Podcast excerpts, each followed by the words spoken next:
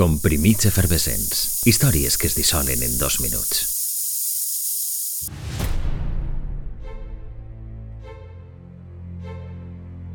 No se sap molt bé què esperava, però el desafiament fou majúscul.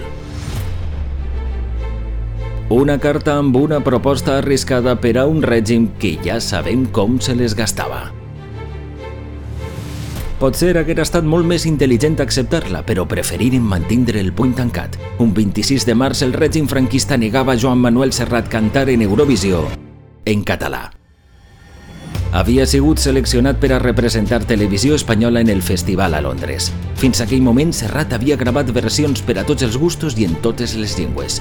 Una intensa tasca de promoció que no serviria per a res. A 11 dies de la cita europea, el cantant feia arribar a Radio Televisió Espanyola un missatge en el que manifestava el seu desig de cantar el La La La en català.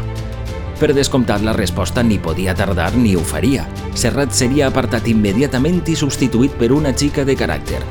Maciel triomfaria en la capital britànica cantant en castellà i diuen alguns que gràcies a una intensa activitat de la maquinària diplomàtica de la dictadura. No obstant, Serrat no hi seria indemne de la plantada. Estigué vetat un bon grapat d'anys en la ràdio i televisió públiques i humiliat i insultat en més d'un concert. Cara li isqué una carteta que també diuen alguns només era un guant per a negociar un fragment de la cançó en català. Però al final ni fragment ni res, tal com es decretà aquell 26 de març de 1968.